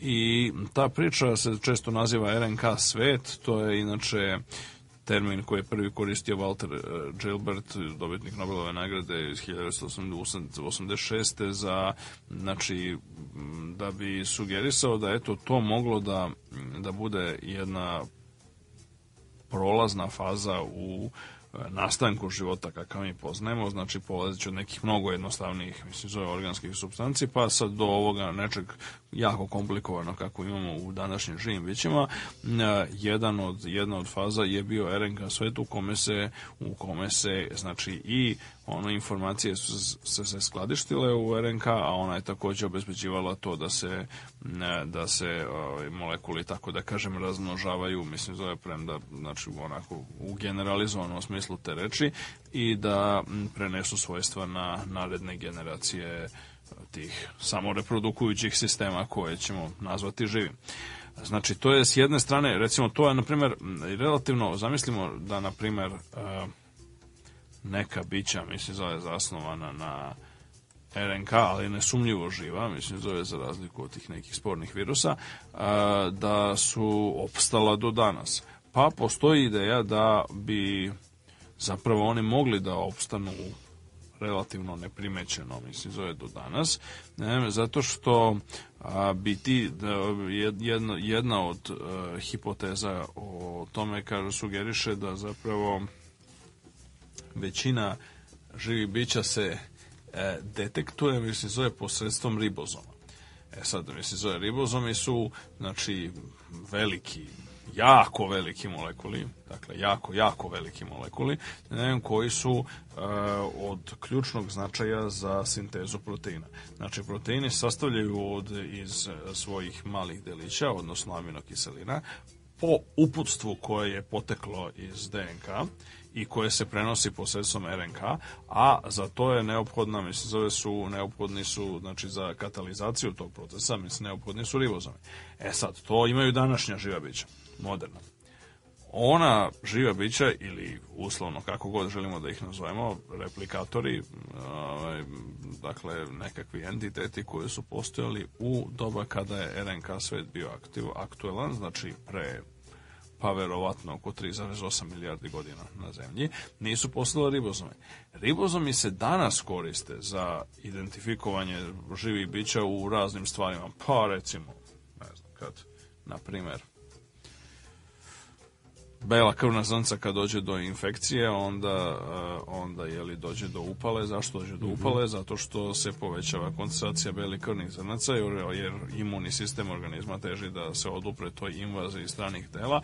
Kako on prepoznaje, mislim, zove da su u pitanju neke bakterije za koje se, za koje onda će mm, bela krvna zrnca sintetizovati antitoksine i uništavati takve bakterije, pa zahvaljujući identifikaciji ribozoma ako ne nešto što nema ribozome, mislim ne prolazi onako ispod radara kako bi se reklo. To je slučaj, na primjer, može da se desi, to je takav je slučaj, na primjer, kod takozvanih prionskih bolesti. Prionske bolesti su izazvane kako stoje stvari agensom koji nije živ u konvencionalnom mm -hmm. smislu te reči. Taj prion je jednostavno nekakav jako komplikovan proteinski molekul koji je čak strukturno isti kao ovi naši uobičajeni molekuli, ali se nekako drugačije savio u prostoru, što bi rekli ovi hemičari, njegova tercijarna ili prostorna, trodimenzionalna prostorna struktura je drugačija, on se neko drugačije savija i onda on kao posledica tog drugačijeg savijanja zapravo zapravo deluje kao strano telo i tera druge slične sebi da se savijaju na sličan način, ovaj, a to je taj način je pogrešan i zbog toga nastupaju prionske bolesti. E, prionske bolesti su poznate i vrlo zlokobne upravo zbog toga što one nisu praćene nikakvim upalama, odnosno njih imunni sistem ne prepozna. ni čoveka ni, ni drugih bića ne prepoznaje i zbog toga mislim zove zbog toga one jesu mislim zove tako ove ovaj, zastrašujuće kakve jesu a, a ono što je ono što je bila karakteristika recimo eventualnih preživelih organizama iz RNK sveta bila bi takođe da bi one bili tako reći neprepoznatljivi što je naravno dobro za njih u konkretnom slučaju pošto za njih ne važi glavni problem koji bi inače važio za nekakve druge ostatke nekakve drugačije e, drugačije biogeneze odnosno drugog nezavisnog nastanka života na zemlji od onoga koji je proizveo našeg zajedničkog pretka a, a to je da a, bi zapravo obično konvencionalni argument jeste, pa dobro, mogo je život da nastane više puta, ali na kraju je jedna linija, ova od koje je, smo potekli svi mi, prevladala i vrlo prosto, zato što ona jednostavno pojela sve konkurente, odnosno oni su kao lep izvor nekakvih složenih, mislim, za organskih molekula, znači pogodni za, za ishranu, tako Zavarim. da ne, na taj način bi se ne, ovaj, e, međutim, to znači, mislim, da ih treba identifikovati, na neki način se ono, evolucija još od ono, najstarijih, od tih prvih prvih nekih primordijalnih perioda pre mnogo milijardi godina je naučila da se prepoznaju na neki način, mislim zove šta je hrana, šta nije. E, to prepoznavanje se e, obično odigrava upravo posredstvom preko ribozoma, a znači ako organizmi ne bi imali ribozome, onda bi oni mogli da na neki način ne budu prepoznati kao hrana i da ne budu pojedeni. A, recimo, jedan od predloga koji su već pomenuti Steven Benner zajedno sa još dvojicom kolega biohemičara sa Univerziteta u Floridi sugerisali relativno skoro pre nekih dve, tri godine, e, jeste da zapravo u nekim egzotičnijim sredinama na zemlji, recimo onima koje su uh, prostorno jako ograničene, recimo minerali, ali čvrsta stena, mislim, zove sa šupljinama mm -hmm. u čvrstoj steni koje su recimo veoma malih dimenzija a, ili u okol, okruženjima koje gde postoji najizmenični ciklus između recimo velikih ekstrema. Znači imamo ili ekstremnu vrućinu pa nakon nje sledi ekstremna hladnoća i tako dalje. Oni su sugerisali da u tim okruženja bi mogli da prežive i mogli bi se tragati za takvim mikroorganizmima koji su preostali, da kažemo, od RNK sveta i koji su na neki način žučivi fosili koji su biohemijski drugačiji od nas. E sad, koliko drugačiji, pa sad to je sve kako bi o, rekli, o, je poznata engleski, engleski i engleska izreka in the eye of the beholder. To je nešto što nije, što nije, ja mislim, standardi, ne, da li je nešto mnogo ili malo drugačije, zavise od čoveka do čoveka. Za ljude koji su u onome što se zove nauke o životu ili life sciences, e, takav organizam bi bio jako drugačiji. Sad naravno, mislim, zove za ovaj, čovjeka na ulici, to ne mora da bude slučaj, ne mora da bude slučaj čak i za fizičare i hemičare koji ovaj, su razmišljali ponekad, barem u nekakvom naučno-fantastičnom diskursu, mislim, zove o mnogo većim razlikama. A, jedan od primjera Ali to bi bio recimo dobar primjer onoga što se zove sen, senovita ili senkovita biosfera. Znači taj termin shadow biosphere je skovan jako skoro 2005. godine i um, Carol Cleland i Shelley Copley znači koji su se bavili um, pa ajde da kažemo, evolucionom biologijom i filozofijom biologije su skovale taj termin uh, u jednom radu vrlo interesantnom iz 2005. gde su one sugerisale zapravo da bi uh, tako razni nekakve ekstremni fosili u tom nekom smislu reči, znači ili nešto što je preostalo iz RNK sveta ili nešto što je posljedica potpuno nezavisne biogeneze, e, znači nastanka života koji je potpuno drugačiji od našeg, bi eventualno mogli da opstanu ili bismo eventualno njihove fosile mogli pronaći u negde na zemlji. To bi kako stoje stvari, ta vrsta, te senkovita biosfera bi morala biti ograničena na jednostavne i mikroorganizme, pošto da postoje neki veliki organizmi, životinje, biljke i tako dalje, ili već nešto potpuno neočekivano, jer ne treba imati treba uvek imati na umu da i e, ljudska taksonomija i klasifikacija je posledica toga da smo posledica našeg jednog egocentrizma, odnosno činjenice da smo da mi uveli te kategorije na osnovu onoga sa čim smo mi imali iskustva da. do sada. A, tako da je tako da u nekom smislu reči bismo u svakom slučaju neke velike sisteme bismo primetili mislim već do sada na zemlji. Ali recimo mnoge mikroorganizme ako bi to bili mikroorganizmi koji bi svejedno bili zasnovani na drugačijim biohemijskim, na drugačijim molekularnim procesima od života koji danas znamo, oni bi mogli da prođu neopaženom. I u suštini potraga za njima Potraga za tom vrstom e, senovite biosfere predstavlja jedan od najinteresantnijih zadataka sa kojima se astrobiolozi suočavaju u svakodnevnom, svakodnevnom radu. A ono što je jasno jeste da bi oni mogli da postoje ukoliko, mislim, pod nekim pretpostavkama i u mestima i na, na onim, u onim ekološkim e, nišama koje su, koje su nam poznate i koje su relativno uobičajene, ali još je mnogo verovatnije naravno da postoje na mestima gde e, gde koje su na ovaj ili onaj način egzotična, odnosno na onaj način izdvojena od e, većine interakcije sa većim delom ove naše priznate zemaljske biosfere. Kako bi, kakva bi mogla budu to mesta?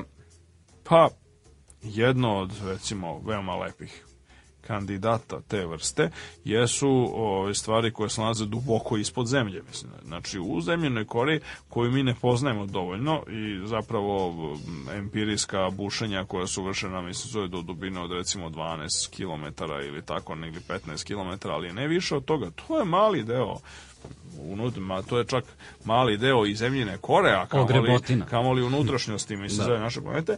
E, a, kada su ljudi vadili uzorke, mislim, zove sa velikih dubina, onda bi u njima otkrivali a, i to konzistentno su otkrivali, mislim, zove nekakve bakterije. A, pa većina tih bakterija su bile ono uobičajene, sad naravno uvek se, uvek se postavlja pitanje kod takvih stvari, zato što jednostavno užu strahovito je teško izbušiti, naravno, veoma duboku rupu i uzeti uzorke, a mnogo teže je izbušiti duboku rupu i biti siguran da zbog bušenja nije došlo do kontaminacije ovaj, tog nekog sistema koji se nalazi dole, ovim našim koji imamo na površini ili blizu površine ili u nekom nižem, u nekom nama bližem sloju unutrašnjosti zemlje. A, I zbog toga su ti rezultati uvek bile kontroverzne i uvek se podizala velika prašina oko toga. Ali izgleda da mnogo, mislim, mnogo mikroorganizama živi u zemljenoj kori. To manje više sasvim jasno. Sad, da li su oni svi deo ove naše biosfere ili ne, to je teško pitanje, ali jedno na, na, o kome se dosta razmišlja. Druga stvar o kome se razmišlja jeste, jesu recimo jezera koja se nalaze duboko ispod leda. Na Antarktiku imamo najpoznatije jezero, jezero Vostok, koje je, ali ima ih, ima ih dosta, mislim, zove, nije ono jedino. Ono je, ono je jedinstveno po tome što je jako veliko, mislim, mhm. zove, ono otprilike ima otprilike ima 250 km u, u, u dužinu i jedno 50 km u širinu. Mislim, znači, to je jedan prilično veliki, mislim, za rezervoar vode, koji je prosečne dubine pokazuje se, satelitske merenje ukazuje da je prosečna dubina oko 350 metara, što znači da je onako solidno duboko, mislim, zove na najdubljim delovima.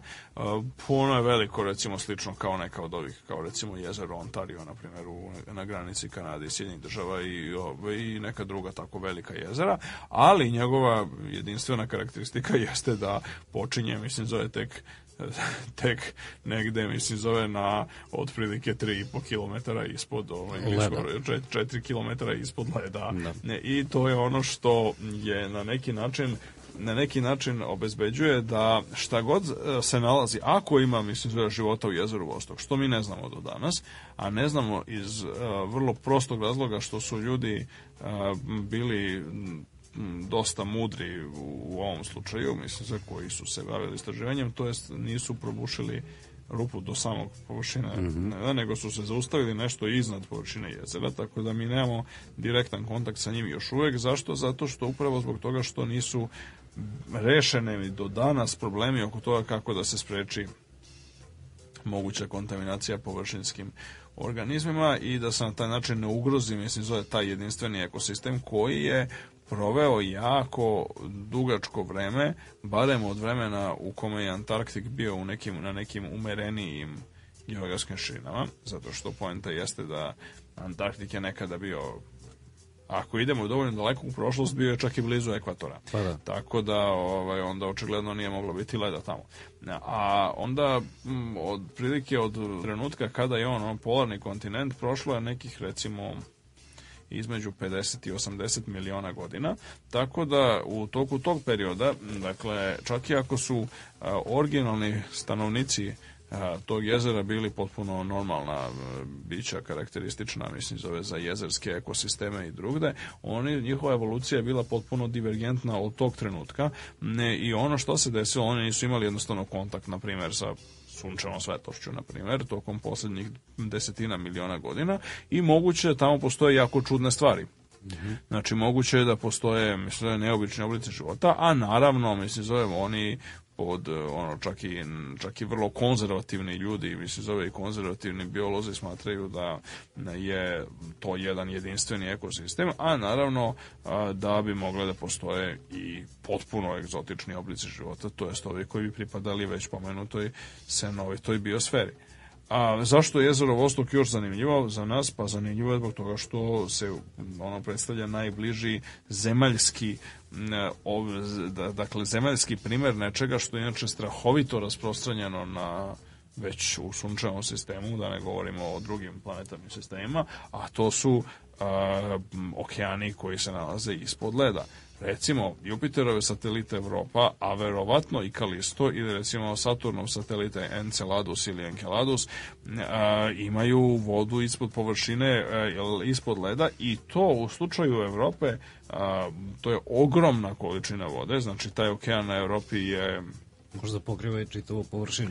A, mislim, on je, recimo, na Evropi ima u principu nekoliko puta više vode nego na zemlji. Mhm. Iako je Evropa mnogo manje telo, ali mhm. taj okean, mi se zove, je dubok, mi se zove, između 50 i 150 km. I on je ogroman.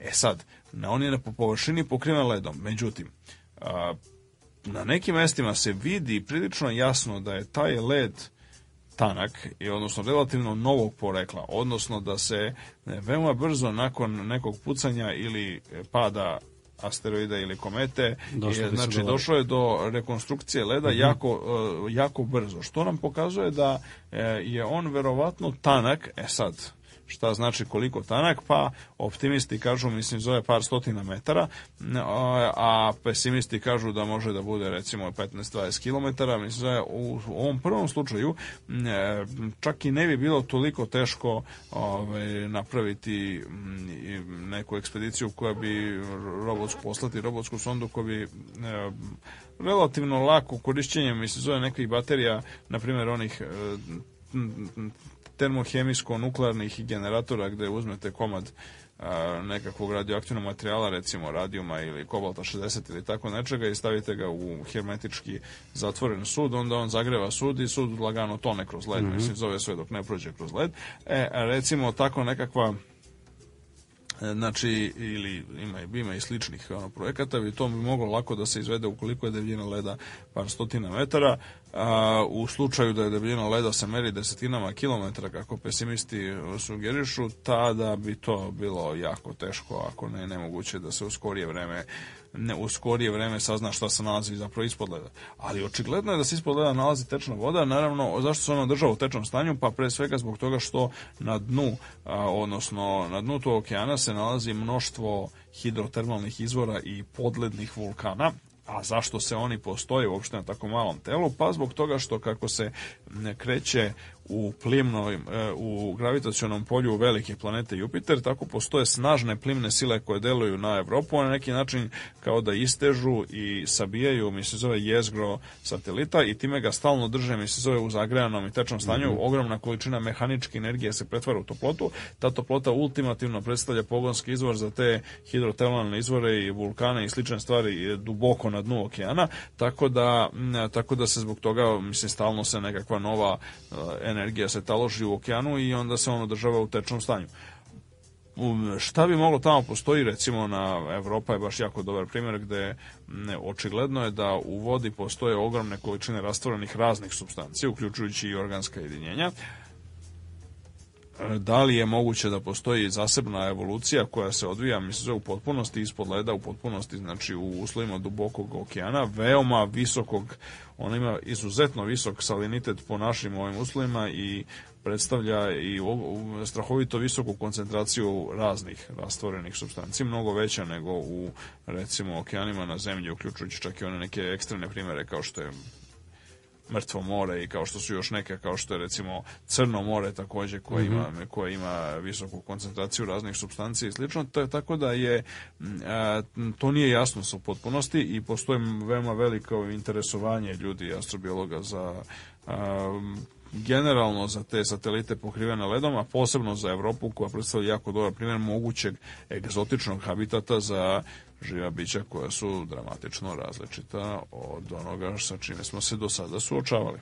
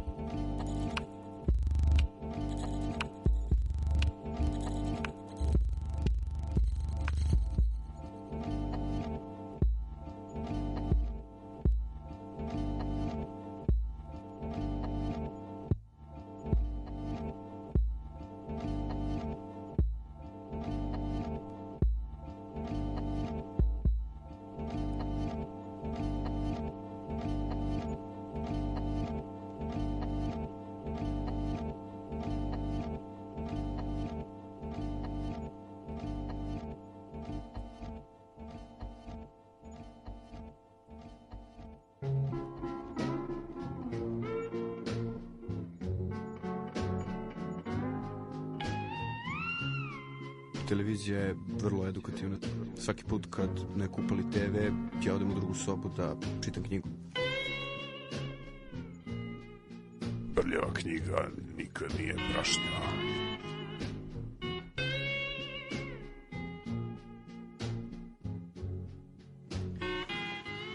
I pa ostigli smo ovaj, do naše poslednje rubrike u emisiji a, u kojoj predstavljamo jednog pisca i njegovo književno delo. Jeste.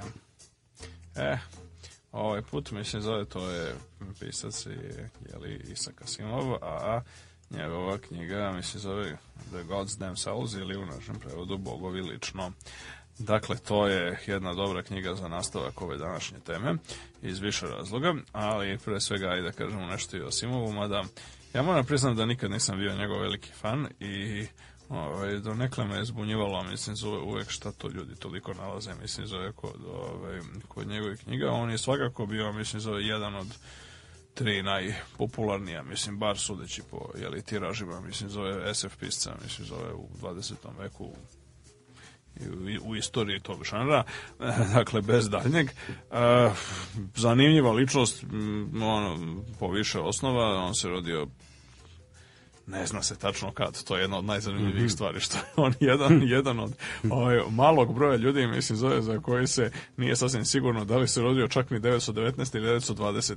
Znači ne zbog toga što on to krio kao neki legalac, mada jeste imao različite ovaj, imao je u različitim dokumentima imao je različite datume, datume, datume rođenja. Ovaj, a poenta jeste bila da se rodio se u jednom malom selu, mislim zove u tadašnjoj, bel, mislim današnjoj Belorusiji, u tadašnjoj ovaj, u Sovjetskom savezu a, i jednostavno mislim nije imao pošto je bio rodio se usred građanskog rata mislim zove to je znači upravo 1919. ili 20. mislim zove bio građanski rat u tadašnjoj ono, jeli, Rusiji i Sovjetskom savezu koji je bio najbrutalnijih ratova u istoriji uzre bude rečeno treći ratu istorije čovečanstva posle dva svetska rata, mi se zove po broju žrtava, mm -hmm. što vrlo malo ljudi zna, e, je bio taj ruski građanski rat e, i e, on je, znači, bukvalno je morao, mislim, njegovi roditelji su ono, morali da beže iz tog sela otprilike, mislim, zove nakon, negde tu par meseci nakon njegovog rođenja i tom prilikom je pogubio i sva dokumenta i sve druge stvari, mislim, zove, kad pritom su oni otišli u, u E, on je, njegov otac je uspio na kraju da e, emigrira sa porodicom u Sjedinjene države kada je Isaku bilo svega tri godine. Mislim da je tako da je u, u, u suštini kasnije je on navodio razne, razne, ovaj, razne da, datume rođenja mm -hmm. i mhm. razne rođendane u ovaj, kasnijem životu.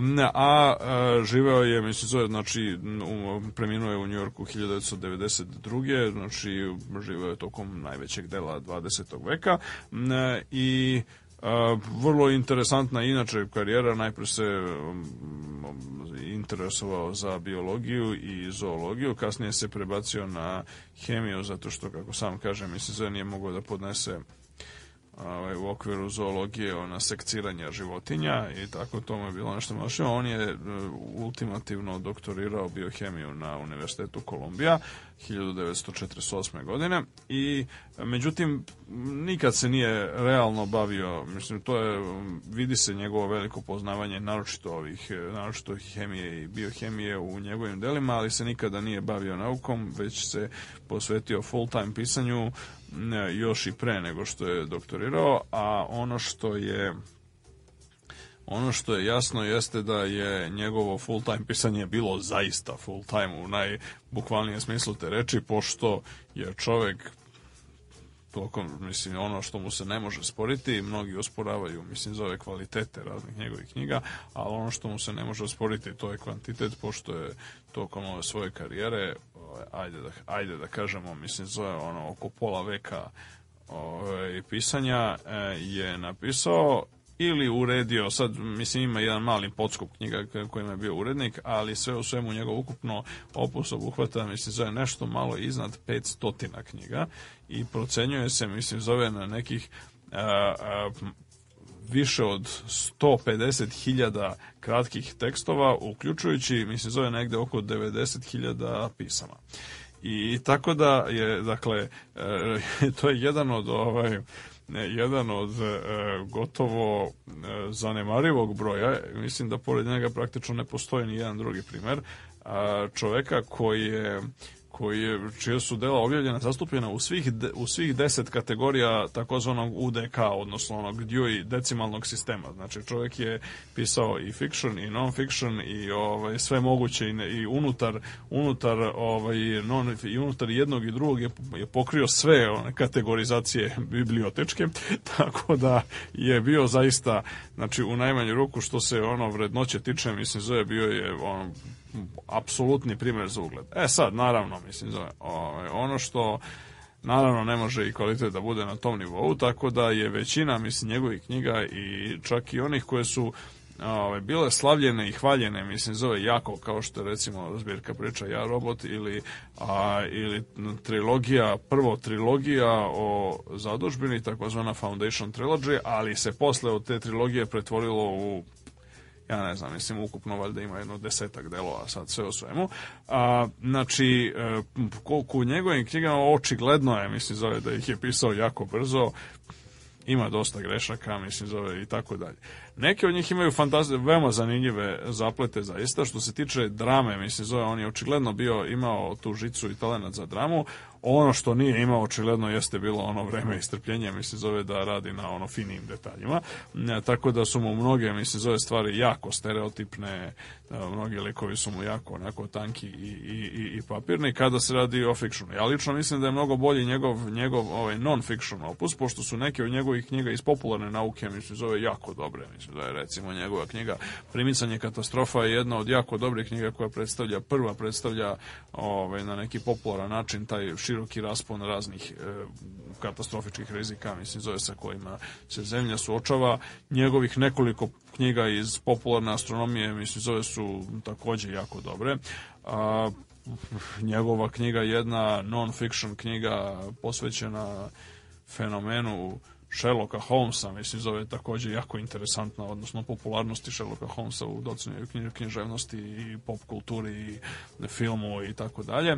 A, njegova za, ono, diskusije oko pitanja kao što su ekološki problemi, korišćenje nuklearne energije, mislim zove i a, popadanje ili ne kvaliteta života, mislim zove i tako dalje je a, znači su vrlo interesantne stvari mislim zove za, za čitanje a, i u nekom smislu reči njegova poslednja poslednja knjiga koja se bila pojavila godinu dana pre njegove smrti mislim zove u tom ajde da kažemo domenu a, dokumentarnog i diskurzivnog pisanja pod naslivom Our Angry Earth, mislim da je, koje je, se bavi mm, destrukcijom ozonskog sloja, koje je tada bilo veoma aktuelno, aktuelnije nego danas. Srećom, to je jedna od stvari, jedna od redkih ekoloških stvari gdje se situacija popravila nešto umeđu vremenu. Ovo je takođe jako interesantna. E sad, naravno, mislim, zove, on je manje poznat po tome, ali je, ovaj, ali je više poznat po, mislim, zove tome što je dugo vremena za vreme čuvenog urednika Johna Campbella koji je uređivao časopis Astounding, on je bio jedan od ljudi koji su, ajde na neki način, da kažemo zajedno sa Robertom Heinleinom i sa Arturom Clarkom u Velikoj Britaniji, mislim, zove uveli naučnu fantastiku, ajde tako da kažemo, u manje više bar polu, polu ozbiljnu književnost u najmanju ruku. I to je u tom smislu, mislim, zove neko da sam njemu trebao dati priznanje. Sa druge strane, knjige, većina knjiga a, su daleko ispod nivoa ove knjige o kojoj njegovih, njegovih romana i njegove fikcije, daleko ispod nivoa ove knjige Bogovi lično o kojoj ćemo danas da govorimo. A, Bogovi lično jer pripada relativno poznoj fazi njegovog stvaralaštva, ona je napisana 1972. A, ona je, ona je mnogo bolja, mislim, zove od proseka i postavlja se onako čak i neki ozbiljni teoretičari književnosti i teoretičari naučne fantastike su postavili postavljali vrlo ozbiljno pitanje kao što je recimo Darko Suvin mislim zove poreklo mislim zove čovjek sa naših odnosno bivših jugoslovenskih prostora koji je u Kanadi napravio veliku karijeru kao vrlo ozbiljan književni kritičar i teoretičar naučne fantastike je baš pomenuo eto da ova knjiga predstavlja kod, u Asimovljevom opisu jedan izuzetak od pravila, a da je postavlja se ono ozbiljno i zanimljivo pitanje, mislim zove šta bi bilo i šta bi uradio, mislim zove da je ove, ovaj, sve knjige pisao sa ovom pažnjom, mislim zove koji je pisao ovu. Inače, e, ono što jeste interesantno jeste da ovo, u, ova knjiga u našem prevodu, u prevodu zajedničkom Aleksandra Bana Deljkovića i Branislava Brkića, pojavila se 1985. znači ono još u staroj Jugoslaviji, a u jednom malom samostalnom autorskom prevodilačkom izdanju Branislava Brkića sa njegovim prijateljima i saradnicima i e, ono što jeste interesantno jeste da je i u to doba bilo moguće, mislim, zove, sad zamislimo to, to je, evo kaže Lepo Beograd, april 1985. U to doba bilo je moguće da čovjek ima samostalno e, ovaj, izdanje, mislim, u tiražu od 1500, mislim, zove primjeraka, što je potpuno fascinantno kad pomislimo da danas maltene najveće izdavačke kuće, mislim, u Srbiji ne dostižu takav tiraž za ogromnu većinu, mislim, zove knjiga i za praktično sve ozbiljne knjige. Da, se mogu što puni da, trafik. Aj, tako da, da, naravno, mislim, za kad to izvemo, mislim, znači ovaj tiraž je, a, a tada, u 85. godine se ispostavio da čak i pojedinac, mislim, zove, može sebi da priušti, mislim, zove da ono, odštampa knjigu u 1500 primjeraka. A, ovaj, e, ova knjiga je zanimljiva po tome što predstavlja u najvećem delu, osim ovdje naučne fantastike, mislim, zove, nema... A, vanzemaljskih, mislim, zove bića ili bar ne ono kao aktera, mislim, zove ponegde se nađu onako u pozadini e, i ne vidje. E, ovo je izuzetak od toga zato što je, kažu ljudi, mislim, zove da su Asimovu, Asimovu čak i njegovi prijatelji i kolege kao što je Robert Silverberg, mislim, zove zamerali po tome što je suviše antropocentričan i što su pretpostavlja da je ono, ceo svemir takav, mislim, zove, i onda je on rekao kao dobro, hajde da, da vidimo, da, da delimično, mislim, zove, ova knjiga je nastala kao posljedica rasprava koje je on imao sa Silverbergom, a između ostalog, mislim, zove, je čak i, glav, čak i nekakav naučni motiv iz knjige je nastao kao posljedica toga što su kako sama Simon opisuje mnogo kasnije, on Silverberg su mm, slučajno došli do toga, mislim, koje bi, koji su hemijski elementi nemogući, odnosno izotopi, mislim, zove nemogući, onda Silverberg je pomenuo kao primer nečeg što je nemoguće, mislim, zove plutonijum 186, onda je Asimov rekao, pa ta, da, to je vrlo zanimljivo, to ne bi moglo da postoji ni na koji način, a onda ga je Silverberg pitao zašto, onda je, onda je on rekao, pa dobro, to je zbog toga što je odnos između elektromagnetne i nuklearne sile koju održava koju održava na okupu, mislim, zove nukleone u jezglu, jednostavno takav da ovaj, ne bi mogla postojati, mislim, zove jezgro sa toliko mnogo protona, a toliko malo neutrona, mislim, kako E, a onda ja sam imao, kako sam kaže, razmišljao o tome dobro. Očigledno da to ne može postoji u našem svemiru, ali ako postoje recimo različiti ono, univerzumi u okviru nekakvog multiverzuma, onda u kojima su različiti prirodni zakoni, onda bi u nekom od njih, mislim, zove mogao da postoji upravo takav izotop kakav je, čak ako pretpostavimo da su čestice iste, ali da su recimo zakoni koji određuju jačinu različitih sila drugačiji, onda bi mogla da postoji takav izotop. E sad, on sam po sebi bi bio, ako bi bio ovaj, potpuno konzistentan i zatvoren univerzum za sebe, onda bi on imao svoju nekakvu hemiju, fiziku i tako dalje. Ali šta bi bilo, mislim zove, kada bi bilo moguće da na neki način a, kroz nekakav cr, crvotočinu wormhole ili tako nešto, mislim zove, da se uspostavi veza i kontakt između, mislim zove, našeg svemira i nekakvog drugog, recimo, na primer, u kome bi postojali tako egzotični izotopi kao što je plutonijum 186. I ono što je interesantno jeste da iz toga je on postepeno, mislim zove, postepeno, dakle, kreirao, mislim zove, celu o, ceo roman, odnosno celu priču koja se zasniva upravo na tome da sa jedne strane, mi se zove, imamo nešto što se popularno u samoj knjizi, mislim, jedan od likova, mislim, zove to naziva, to je kao, kada, ovaj, kao vodopad, mislim, zove koji bi tekao ovaj, istovremeno na dve strane, mislim, zove i naviše i naniže. Mm -hmm. E, to naravno nemoguće, mislim, zove na zemlji. Ali mi možemo da zamislimo da, recimo, materija koja se, ono što se dešava jeste da, znači, mate, nekakav Wolfram se, na primjer, a, a, se prebaci iz našeg svemira, mislim, zove u drugi, u drugi svemir i tamo se raspadne na, na, na primjer, raspao bi se upravo, stvorio bi, na primjer, plutonijom 186, koji bi se onda u našem univerzumu, koji bi tamo bio stabilan, a u našem univerzumu bi se raspadao. Na taj način bi iz, tog, iz transfera materije mogla da se izvlači energija, mislim, zove i na jednoj i na drugoj strani. Mislim, mm. Dakle, toga je, što je potpuno, mislim, paradoksalno i ne bi moglo da se desi nijako muslima, osim ako imamo, ako bismo imali kontakt dva svemira u kojima vladaju različiti prirodni zakoni. E sad, naravno, mislim, zove, samo od sebe to neće se desiti, tako da i onda sam imao zamislio e, civilizaciju, znači inteligentna bića koja se nalaze u drugom samiru i koja su, koja se nalaze u tom samiru u kome operišu drugačiji zakoni, mislim, ne. I a, ono što jeste interesantno jeste upravo način na koji on predočava da na koji se ta razlika, mislim zove u jačini sila manifestuje, mislim zove u njihovom a, hajde da kažemo, obliku i kretanju, pošto recimo ono što se tamo dešava jeste da, a, e, kako se može razumeti, sad naravno, mislim, zove, ima različitih interpretacija a, i o tome onako fanovi dosta diskutuju, a to je da zapravo taj svemir je na neki način sa našeg stanovišta potpuno ispunjen materijom. I sad ono što se dešava jeste da se objekti u njemu razređuju, mislim, zove, i e, čini se da se kreću poglavito toga što se razređuju i izgušnjavaju, mislim, zove, i na taj način se kreću, mislim, zove, kroz, kroz, kroz prostor prostor. A, e, ono što naravno, mislim, zove, jeste sa jedne strane, mislim, zove ono, vrlo zanimljivu civilizaciju je generalno izgradio koja, opet za razliku od ove na zemlji i biosfere na zemlji, mislim zove recimo ta civilizacija kod njih je glavna stvar broj 3, odnosno sve stvari se dešavaju, mislim zove u trojkama, a, a između ostalog, između ostalog vanzemaljska inteligentna bića imaju tri pola.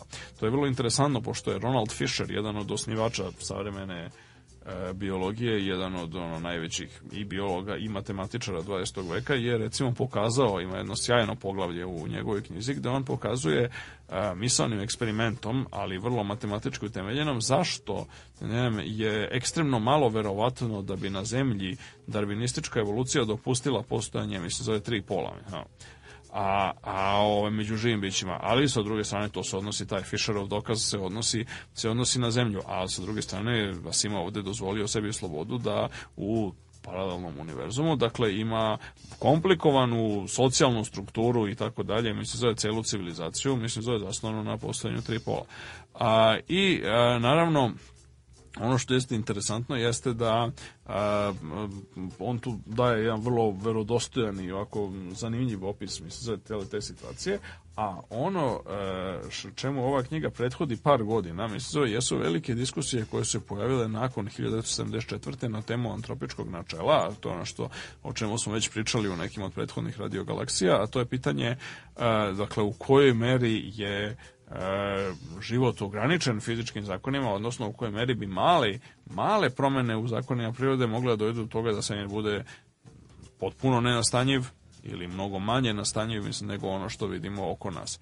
A, ono što jeste interesantno jeste da taj e, paralelni svemir u Asimovljevom romanu je zapravo e, slične, on, e, on je, je sastavljen i od istih čestica, mislim zove, hajde da kažemo, materije od istih čestica kao i kod nas, samo što su te eh, hajde da kažemo neka dinamička vezivanja kako bi to rekli fizičari odnosno snage snage fundamentalnih sila drugačije nego što nego što su kod nas. I sad naravno oni takođe imaju sve ove neke socijalne strukture, mislim zove kao što su ono porodice, vlade, obrazovanja i slično i ovaj za sam kraj jedan odlomak iz romana koji se baš dakle dešava u drugom univerzumu.